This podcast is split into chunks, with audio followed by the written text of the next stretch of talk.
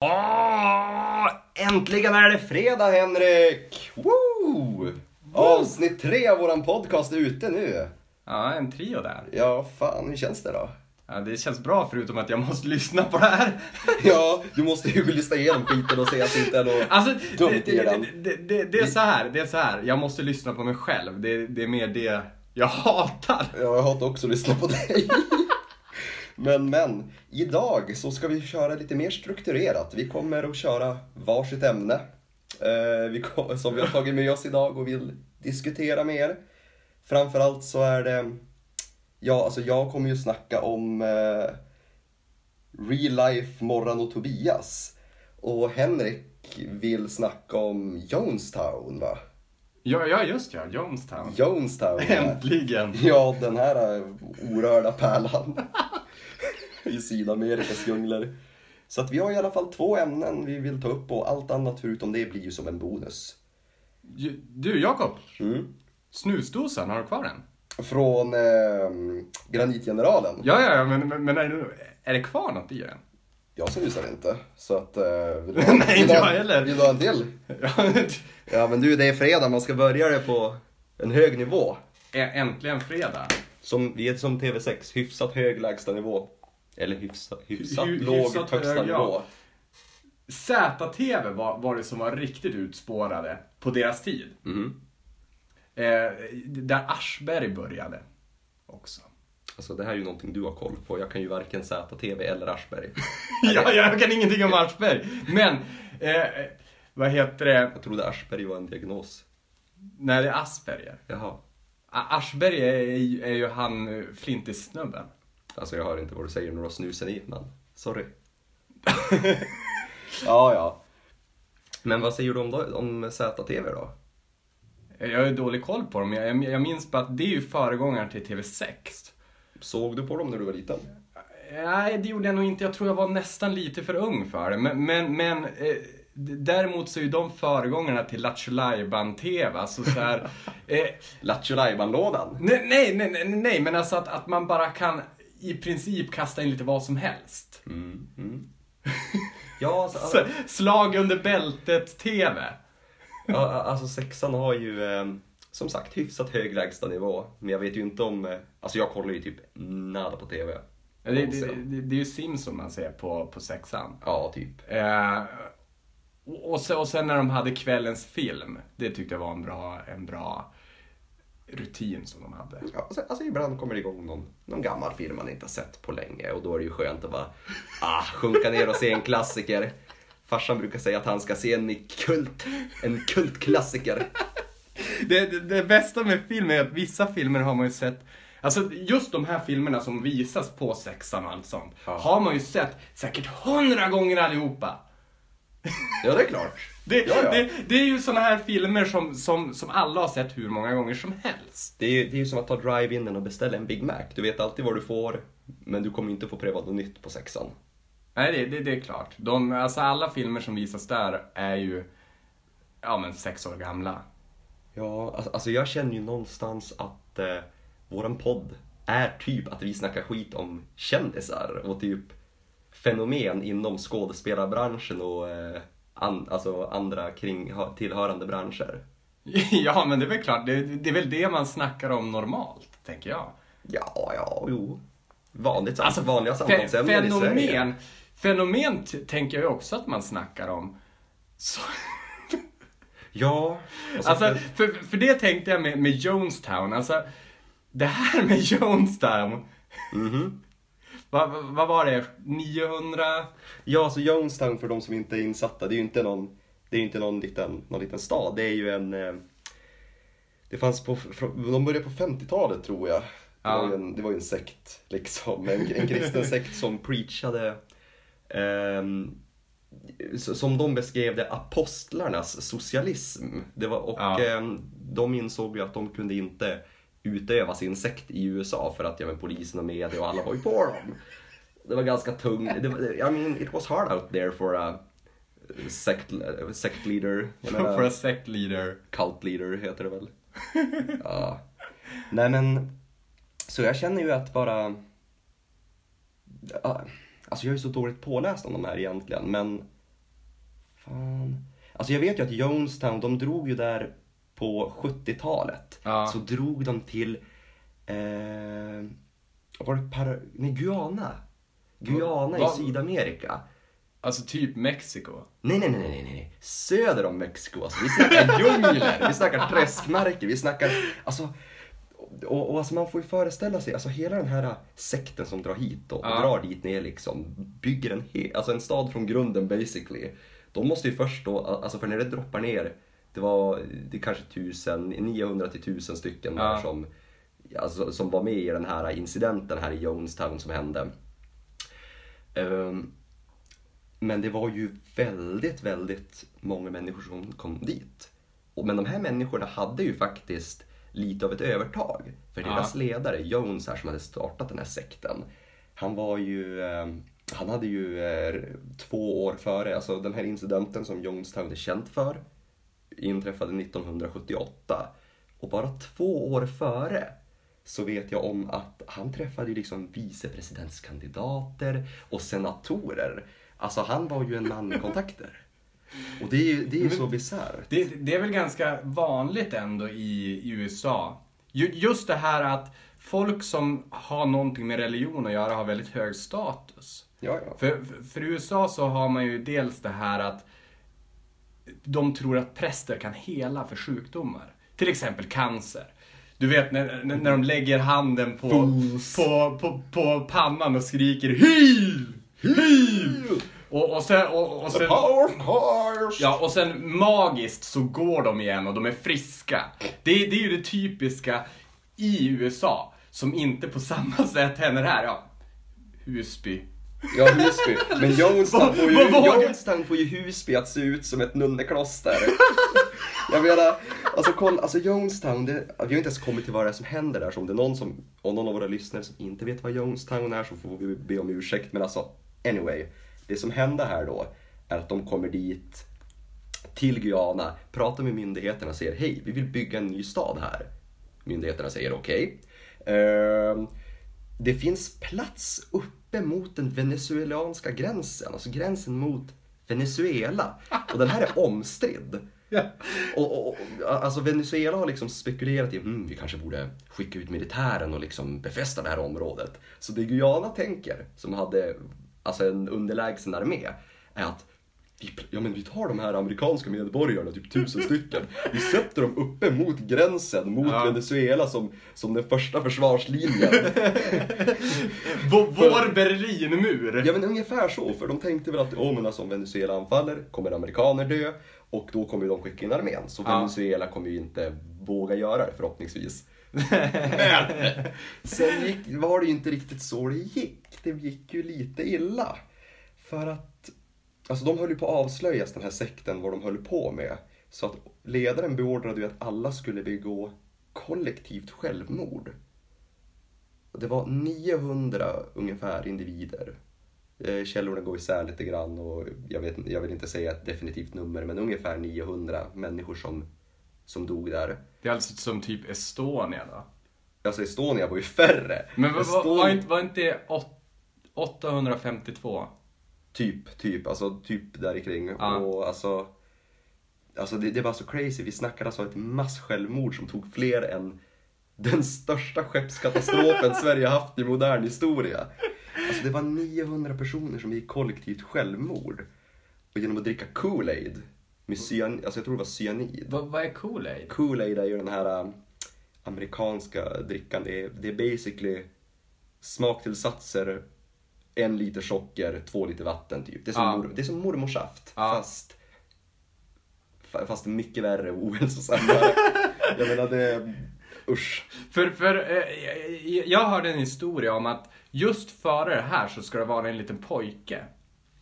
Som är den enda som inte då dog av, av det här. Utan han, han gick fram till en präst och sa meningen eh, Ja, jag skulle, alltså jag, jag, jag skulle inte vilja vara här. Och prästen sa, men det är bara att gå. Skickar iväg han och de skjuter han. Jo men vänta, var inte det där, alltså jag har hört om det här för också. Var, var det inte en journalist eller någonting som också blev skjuten? Där, han hade varit dit, sett vad som hänt och så skulle han gå därifrån. Ja. Är du säker att det var en pojke? Ja, jag, jag, jag, jag vet inte, jag hörde bara någonting om, om någon som hade velat gå därifrån och han blir beviljad att gå därifrån och sen skjuten i ryggen. Oh shit. Alltså, Och- det där är en mörk skit. Och, ja, alltså det, det, är det är lite som historien om Hitler och eh, han som målar. Alltså, hi, under första världskriget blev Hitler eh, skonad av en soldat. Vad då Hitler gör är att han, det här är en engelsk soldat, soldat som, som skonar Hitlers liv.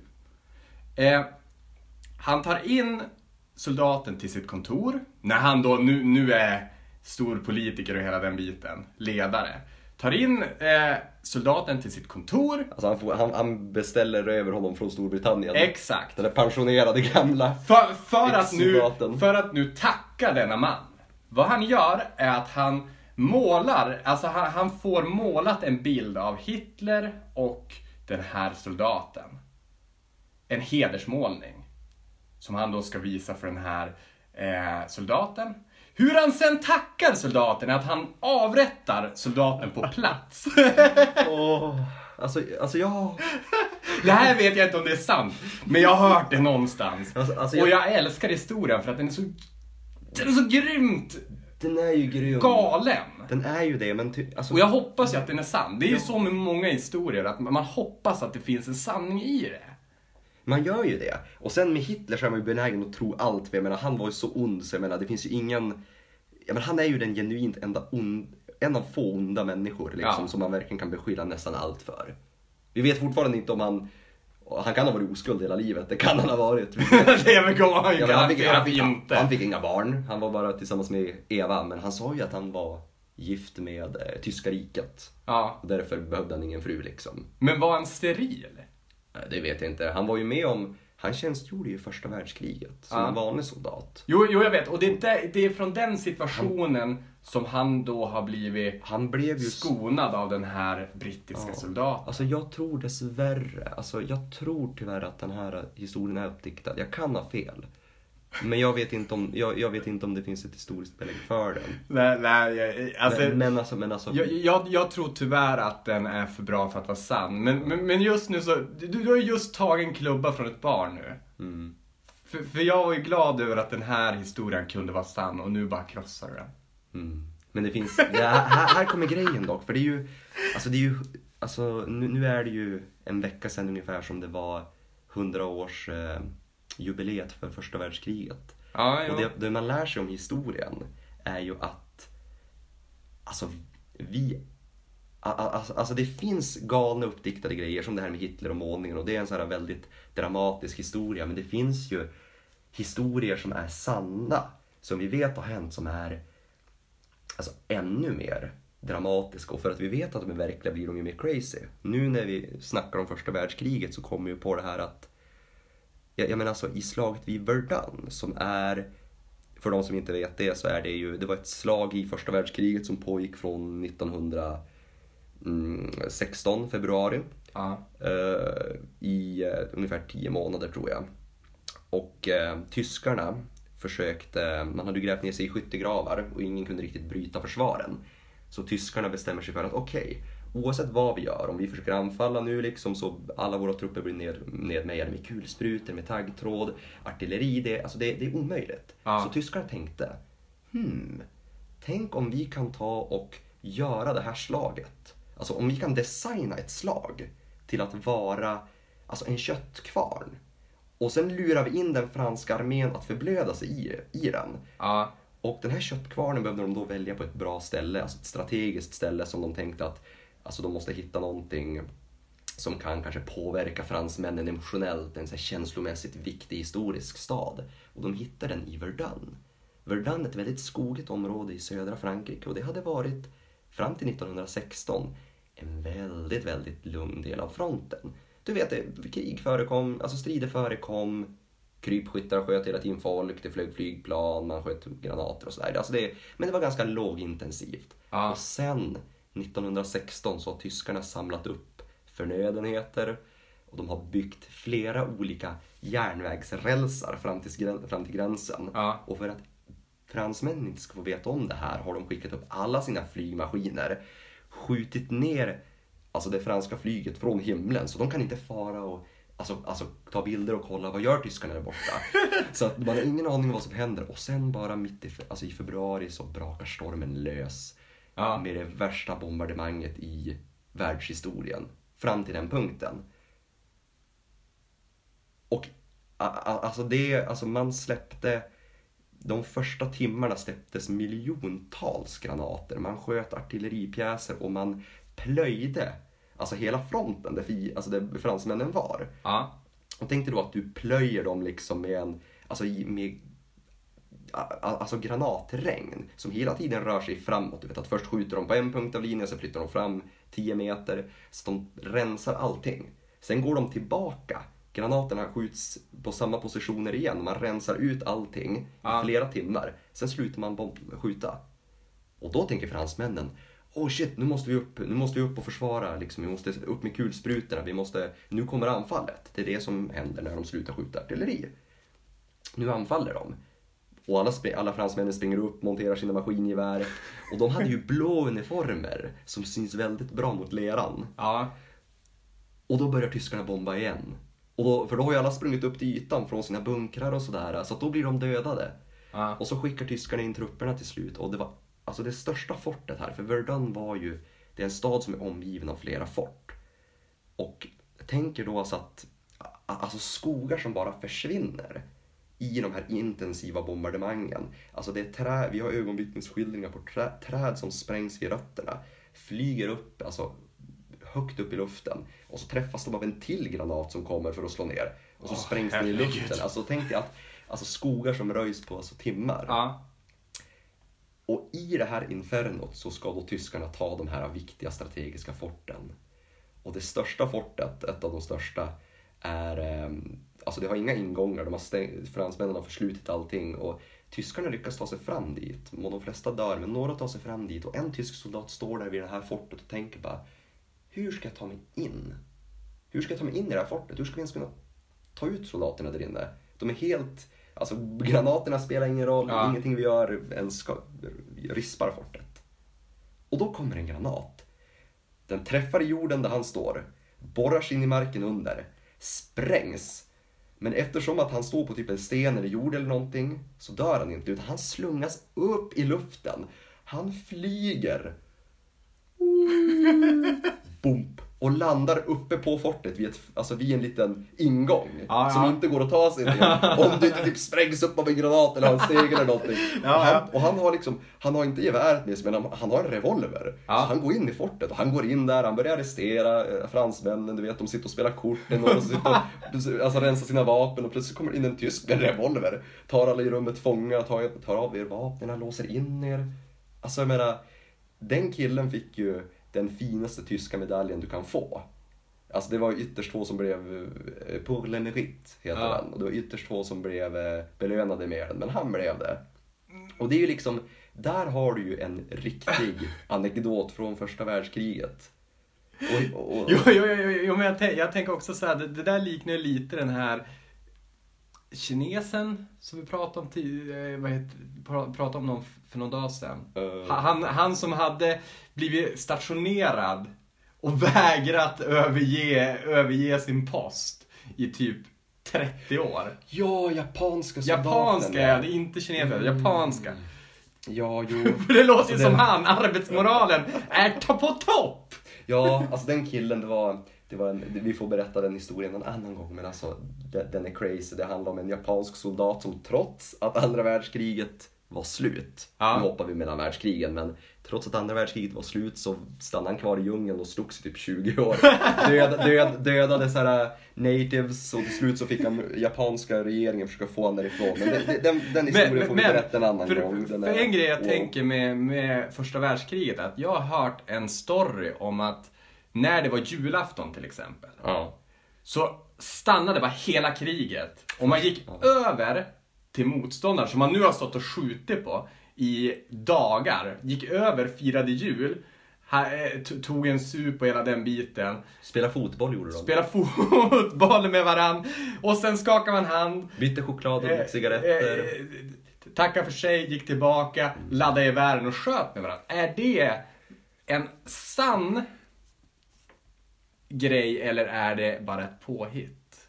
Det är sant och det vet Ja. man om. Särskilt första året. Kriget bröt ut sommaren 1914 och då var det bara, bara ett halvår och kriget hade gått. Man hade just grävt ner sig i skyttegravar och, och jag menar då var, fort, var man fortfarande väldigt Alltså folk var väldigt idealistiska, väldigt romantiska fortfarande. Det fanns Ja. fortfarande en känsla av heder och att du skulle vara jag, jag menar du skulle förväntades vara hedersam och ärlig. En man. Men Jo, men och för, det är det som är så coolt att de, de gick faktiskt ut i ingenmansland. Officerarna hatade det här. Officerarna var ju på dem, alltså hotade ju att de skulle skjuta soldater som alltså beblandade sig med fienden. Ja. För att det soldaterna insåg när de snackade med, när tyska soldater snackade med engelska och franska soldater insåg de att okej, vi kanske inte förstår språket. Men jag menar, de här, vi har mer gemensamt med de här killarna än oftast våra officerare. Men det är inte bara vid julen det hände. Det fanns ju ett tillfälle till exempel ehm, när eh, skyttegravarna svämmade över, vilket ofta hände när det blev regn. jo, men det kan Så- jag tänka mig. Alltså, det, det, det, det behöver man ju få Einstein för att fatta att gräver du en grop och det börjar regna så kan det bli lerigt. Precis, och problemet är ju då att om du går upp ur den här gropen så kommer de skjuta på dig med maskingevär och så. Men regnen var så tuffa så att soldaterna gick bara ut ur, alltså var tvungna att utrymma sina skyttegravar och gå upp på land. Men det behövde ju även fienden göra. Så att de står där liksom på ingenmansland, liksom, allting är blött, liksom, deras vapen funkar inte. Och de står där och kollar över fiende, fiendeland och så ser de att okej, där borta står våra motståndare och de, de har det lika jävligt som vi. Ja, Och det var som de här ögonblicken när det var, för det var ju ett av de mest förödande och intensiva krigen, verkligen efter där Europa på ett sätt förlorade sin oskuld skulle jag vilja säga. ja. Och tänk dig då liksom att trots att det är en sån brutal och hård värld så kan ändå mänskligheten skina igenom. Jo, men för, för det jag tänker också så här att i början måste det vara väldigt medmänskligt. Men i slutet, eller inte i slutet av ett krig, för då, då, då, tä- då tänker jag att det är ganska på det sättet att man är less på det. Mm. Men någonstans så, så på toppen av ett krig, där måste ju vara mer djuriskt eller vad man nu ska säga. Alltså, med, med, och, och sen dalare. Ja. Men i början så måste du vara, det, det är som när man börjar på ett nytt jobb. Mhm. Du är ganska ovan med det i början. Ja, ja. Och, och, men efter ett tag så, så är du inne i rutinerna. Ja. Och, och, och då är du beredd att göra jobbet som jobbet ska, ska vara. Så jag tänker framför allt telefonförsäljarbranschen lär vara på det sättet att i början så har du inte riktigt det här för att pusha Mhm. en kund. Men när du har jobbat med det i x antal månader Mm. så lär du kunna pusha någon Ja. på ett annat sätt än vad du gjorde i början. För att du släpper spärrar. Och sen så blir du då less på jobbet och gör bara ditt jobb. Ja, jo men det, alltså. Det blir ju någonstans, någonstans tror jag man kan bli likgiltig. Men sen vad många soldater i första världskriget säger är ju att de blev ju så... De blev ju förälskade i situationen. För att tänk dig att allting du gör är viktigt. Att Ja. dina, liksom någon, du kanske aldrig har träffat snubbarna som är i skyttegraven med dig. Men se- eftersom att ni snart ska gå över linjen och anfalla fienden. Ja. Så liksom den du har snackat med senaste timmen är den viktigaste människan i ditt liv. Men för, för det Och det är många stö- som uppskattar, alltså som pratar om att de saknar det, de uppskattar det för att resten av livet var ett antiklimax. Jo, men När de kom hem från det kriget. där stöter man ju på väldigt mycket i amerikanska soldater. Att de är ju otroligt, otroligt hedersfulla för sitt yrke. Och även samhället är ju väldigt hedersfulla mot veteraner. Alltså på ett annat sätt än vad vi har i Sverige. Alltså, i- Vi har inga Nej men, nej, veteraner. nej men i Sverige har vi ju ingen veterankultur. Det är klart att vi har veteraner men de är bara vanliga militärer. De är ju inte på samma sätt som i USA. Att de har tjänstgjort Ja, och- alltså vi har vissa några i Afghanistan och eh, Kongo och sådär men det är ju FN-styrkor mest. Jo, jo men jag har sett till exempel en, en video när, när det är en, en veteran som gör, jag, jag minns inte vad det var, men han gör någonting som är du vet skit. Mhm. Eh, han, blir gripen för det hela, hela grejen och när han då eh, sätts i eh, vad heter det, polisbilen så, så tackar polismannen honom för, för att han, eh, alltså så här, vad, vad säger man, alltså, thank you for the service. Ja. Eh, alltså för, för, för, land, eh, för, för hans krigsgrej. ja, att han har tjänstgjort. Ja. Det är ju en sån här grej som aldrig skulle hända i Sverige. Även om du skulle gå med din uniform. Det är ingen som bara, åh, ta- tack för att du gör en bra grej för Sverige. U- Utan, utan det, det är ju mer, åh, där är en, där är en militär. för för de, de stöter man ju på lite då och då, ändå, i alla fall i Stockholm. Så, så stöter man på dem på tunnelbanan och liknande, att de har på sig militärgrejer. Men det är fortfarande bara militärer, det är, det är, inget, det är inget speciellt med dem. Nej då, de, Men de hoppar inte runt på kryckor, de har inte trampat på landminer. Nej, Liksom, de... men, men, men i USA så är det så här, ah, här har vi en livslevande hjälte. Precis. Spelar roll vad han har gjort, men han är en hjälte. Ja, alltså, alltså verkligen, deras militär är ju ver- verkligen där ute och blir, får stryk ibland och ger, de delar ut mycket stryk. Ja. Men, men de är, alltså, alltså USA, ja, de måste ju verkligen lugna sig. De har ju för mycket folk i sin, i sin alltså de lägger ju för mycket pengar på militären. Vi måste lägga mer på militär för vi kan inte ens försvara oss från älgarna om de skulle bestämma sig för att angripa oss nu och ta över. För, förstår, Sverige skulle bli det första landet som blir invaderade av apor om det skulle bli apornas planet. Det Ja, skulle, det, det skulle vara, försvar, det skulle vara det första landet som, som blev... Det, är aldrig New York som skulle åka dit på det, utan det, det, är ju Sverige som skulle bli aplandet. Det är ju så det skulle bli. Ja, ing- vi har, vi har bara älgstudsare här, Vi, några vi, stycken. ja, vi, vi skulle ju ha den här apan som kunde svenska och hela den biten och ja, men, hade på sig glasögon och allt sånt. Det, det, det är ju så det skulle bli. Köper sin diet latte. Jo, Di- Diet Latte kör, kör runt i Volvon. Åh, oj, oj, oj. Ja, men det hör till. Ja, men det är så det skulle bli. Nytt klätterträd från Ikea. Till barnen, du vet. Åh, åh, alltså. Ja, jag vet inte ens vad jag ska säga. Och gud, alltså jag vill, alltså jag vill ju... Ja, alltså jag måste ju berätta om... Eh, alltså jag, jag vill gå över till mitt ämne lite här nu för dagen. Alltså, Morran och Tobias. in real life bitch. vet, vet du att jag aldrig har sett ett enda avsnitt av det? Det är ju svensk eh, Ja, jag, humor. Jo, men, men jag har esse. sett småklipp av det, till exempel när Morran då gör sönder ett akvarium för att hon ligger i det. Och, och, och när, när Tobias ska flytta ut grejer och med, med, med en traktor och hela den Ja, biten. ur huset. Ja, liksom. sånt har jag sett, men jag har aldrig sett ett avsnitt av det.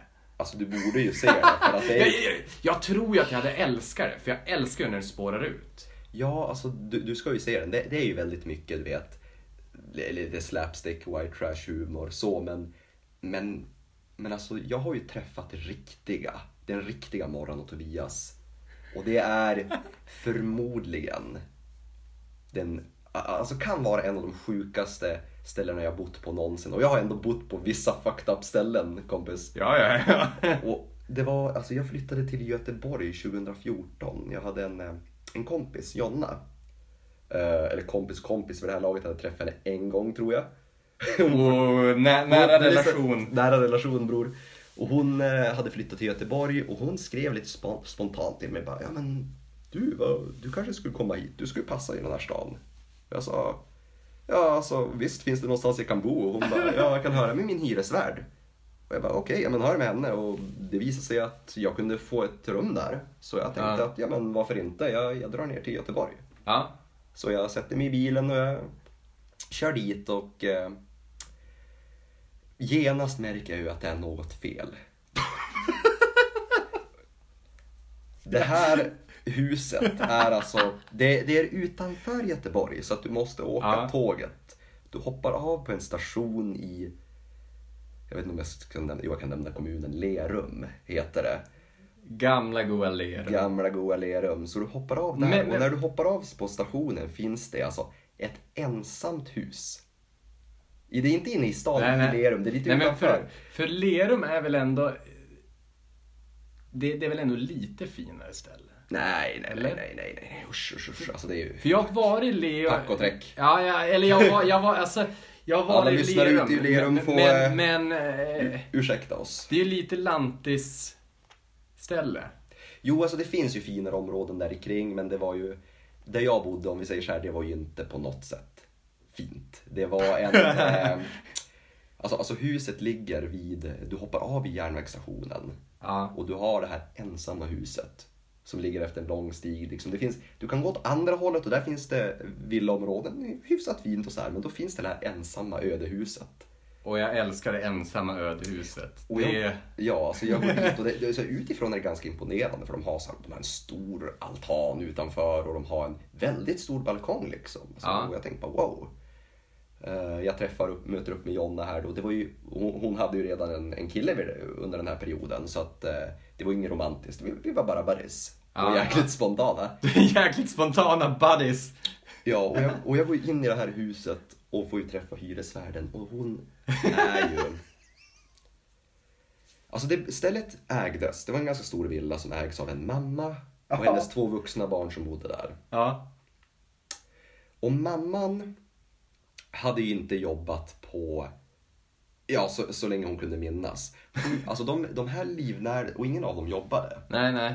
Och de livnärde sig då genom typ säkert skatt, massa, massa fiffel. Skattefiffel och uthyrning av, av boende. Ja, de Eller? hyrde ju ut, de hade ju varsitt rum och så hyrde de ut eh, ytterligare fyra rum i huset liksom svart.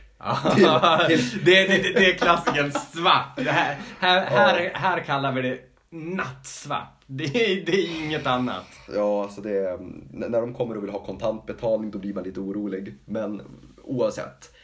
Alltså ho- hon kan jag ju ändå köpa på ett sätt. Jag, jag kunde tolerera henne. Ja. Men hon var ju väldigt, hon, hon städade ju inte. Det var, hon var ju, hade ju som inget driv eller engagemang. Det kan en människa förlora. Men hon brukade ligga i soffan och se på TV. Och då, alltså hon ligger liksom snett. Hon har gjort det här i 15-20 år. Säkert. Varje dag är det hennes huvudsakliga syssla att ligga framför TVn väldigt snett. Pillar hon navel? Det, det skulle jag vilja veta. Alltså, Hon är inte du Henrik. nej, nej, nej, nej, nej, men alltså jag tänker så här. Den här kvinnan. För det är en kvinna. Ja, Ja. tror jag.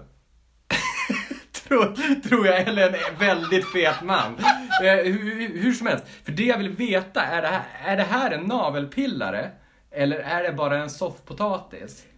Det här är ju en soffpotatis som är...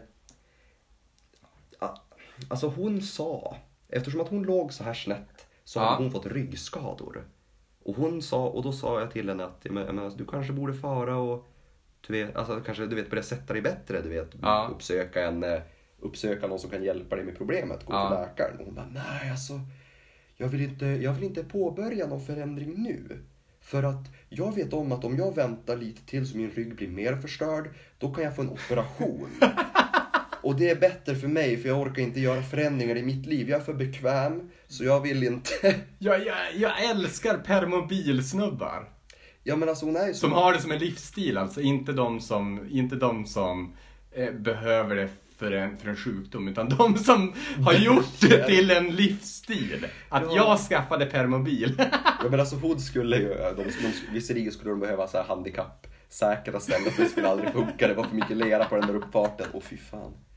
Men hennes barn var ju också så här äh, fantastiska exemplar. Ja, Hon hade en Ja. dotter och en son. Bodde sonen där, eller var det bara dottern? Han bodde där. Det, det här är ju fyra år sedan så jag var väl typ 20-21 kanske. Ja. Och sonen här var väl kanske 28. S- Dottern var typ 26, 25-26.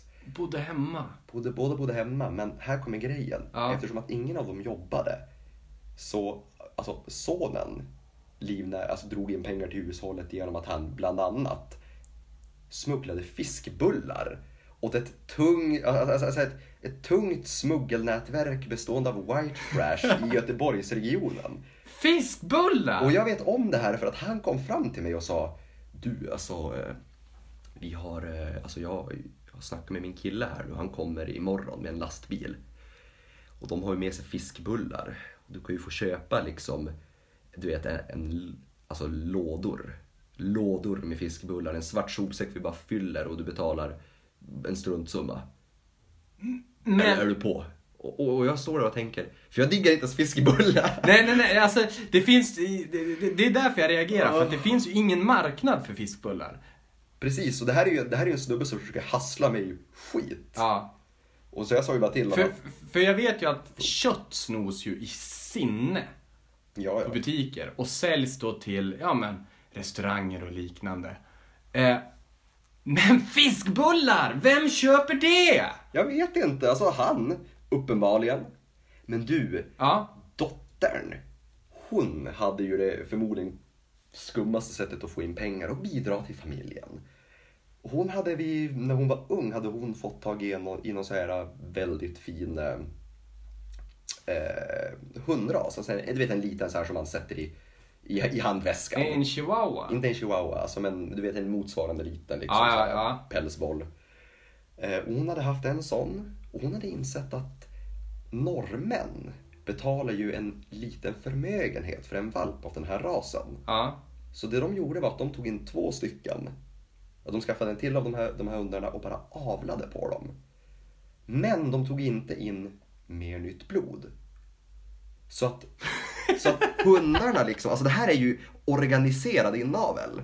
För Ja, att jag tjäna förstår, pengar. jag Så att, förstår. alltså, så att, och, det, det här pågår ju alltså, vad jag förstod, jag kom ju bara dit i slutet Ja. av den här processen. det, det, får här, det här kan bli verkligen hundar med två, två huvuden. Ja, alltså verkligen. Och, och ni, alltså, jag ska berätta om den hund de hade. Det var så Ah. fucked up.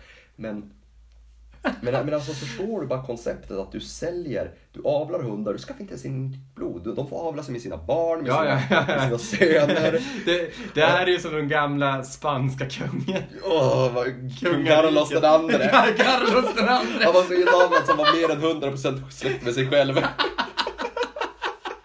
Hur är det möjligt? Och på något sätt är det möjligt. Ja, han kunde inte rida eller någonting. Nej, han kunde inte ens prata. Han hade för tjock tunga för att prata.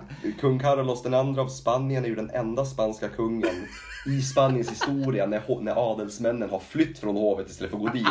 Förut och efter så drog de dit för att snacka med kungen, du vet, påverka Ja, ja. honom. Men, men, men Carlos han var så galen, han bög huvudet av alla för minsta lilla så de bara nej, no shit, skicka mig till Amerika istället. Carlos den andre, det, ja. Mm. Men den här hunden som de hade, Ja. den sista hunden. De hade ju då avlat på dem i flera år och slutresultatet är den här den här varelsen som var så här. Första gången jag kom hem, Ja. den här hunden börjar skrika som att någon skär den med kniv. Ja. Alltså det, alltså jag aldrig, alltså det lät som ett djur i sin, alltså i dödskramper. Alltså kämpar för livet. Och jag, alltså jag, jag tänker ju, vad händer när jag går in här? Och, och hunden, när jag kommer in, blir ju tokrädd och springer och gömmer sig under ett skåp. Ja. Och, och, jag, och, och hyresvärden där, kvinnan här säger Jag bryr inte om den, den, han gör alltid sådär. Och jag går in i köket och jag ser att alltså, hon trampar ju i piss. Och, och jag kollar på, kollar på henne och säger bara du, vad, vad är det där? Och hon bara, ja han gör, han gör så här jämt. Och det hunden gör är alltså att så fort det kommer någon som, alltså någon kommer hem, Ja. så alltså får den sån panik så att den pissar ner sig. Men blir den inte glad eller är Den den blir, rädd? den, blir är glad, den rädd? den blir glad när dottern kommer. Ja. Men resten, även mamman och sonen liksom. För, för det vet jag med äldre hundar. Alltså de, de, de blir så glada när folk kommer hem. Alltså hundar som inte längre kan hålla sig. Alltså som, ja. Jo, jo, men den här var ju... Eh, blir ju så glada så att de hoppar omkring och kissar ner sig på plats. Ja, så det är därför jag frågar. Nej, nej, nej. Och den här var inte gammal heller. Den var ju vid full spänst och vigör. Sönderinavlad liksom, men Det är en Carlos. säg, säg att han hette Carlos! tyvärr inte. Den Nej. hade, det var ju någon, något tiknamn. Jag minns inte. Greta möjligtvis. Möjligt. Men hon, alltså hunden här var ju, det är den, alltså den slutade aldrig. Jag bodde där så länge. Alltså, alltså under hela perioden jag bodde där så aldrig slutade den springa och pissa ner sig och skita när jag kom hem. Och det var också grejen, den la sig under den här bänken. Eh, nej, nej, vet det, skåpet. Och där sket den ner sig. För den var så sönderinavlad. Den sket ner sig, den pissade, den rullade runt där och den skrek. Även när jag hade gått och installerat mig på rummet, vet, kommit hem liksom, sen mitt nya hem. Hälsovårdsmyndigheten, alltså vart är de? Ja, och det var ju också grejen för att de här brydde sig inte om att ta ut och rasta hunden. Nej, men, De, nej, nej, nej, alltså, lyssna nu, jag, jag, är inte, jag är ju inte förvånad. Jag är ju inte förvånad för fem öre att det inte är ett sånt ställe där man rastar hunden. Utan det här är ju ett sånt ställe att man i sin höjd råkar släppa ut den av misstag. Ja, så, alltså, alltså, de hade ju en skurhink som stod redo 24-7. så att man bara kunde svabba upp pisset. Du vet, Jo, men- upp för att ta ett glas vatten på morgonen och trampa i kisset. Bara, åh, så svabbar du. Det var den mentaliteten de hade. Det är ju helt sjukt. Men, men... Byttes vattnet ut då? Sällan. Sällan. Alltså det stank ju piss ur den där skurhinken. Så att det här var ju verkligen Morran och Tobias in real life. Ja. Och det var, um, alltså jag vet inte, det var, det var bara så fascinerande att få, få vara där och se riktigt vitt slödder. För det är något man inte förväntar sig att man ska stöta på när man flyttar över halva landet. Svenskt white Du trash. förväntar inte att det ska bli din vardag. Nej, nej men det, för, det förstår jag väl. Och plötsligt, tänk dig själv att du flyttar över halva landet och du aldrig flyttat så långt förut. Nej. Plötsligt står du där och bara, oj, jag ska bo med de här människorna. Nej men alltså i, i, i Skellefteå så tycker jag att vi är ganska befriade från det där. Eller Ja, upplevde våra- jag i alla fall att vi var väldigt befriade från, från folk som hade det väldigt dåligt. Man har, det, det var väldigt vanligt att alla, alltså medelklassen där är ju medelklass. Jo men verkligen. Det är ju en väldigt, eh, det är en väldigt skyddad miljö på ett sätt i Skellefteå. Så tror jag att de flesta har det väldigt bra där. Det finns ju som, det finns ju inte så mycket patrask. Nej. Men när man far iväg, du vet, upp i världen och upptäcker nya ställen, nya människor. Jag menar, det är ju halva nöjet. För man inser ju hur bra man har det hemma. Ja. Ja. Men du, alltså nu har vi ju gått igenom eh, båda ämnena plus att vi snackat massor om första världskriget. Och, och annat. Och annat. Carlos är ju en... Och gud, vi får, eh, jag lovar dig att nästa podd så ska vi snacka om Carlos, den andra. Kallades han den stora, alltså var han en av de stora? Nej, nej, nej, nej, nej. Om du är så inavlad som kung Carlos den andra är, kolla. Här, Men hade, hade han något, alltså jag menar, vi har ju Christian Tyrann. Han, han, kallas, ju. Christ, han kallas ju Christian den store. Eller Christian den barmhärtige. I, i eh, Danmark. Danmark. Gustav Vasa däremot kallas ju tyrann. I, i vad heter det, Danmark. Det handlar om perspektiv. Men, och då tänker jag att alla kungar har ju något eh, Alltså till exempel kung Erik som jag hade, Mm. Gustav Vasas son, kallas ju eh, jag tror han var den aggressiva eller något sånt. Den, den...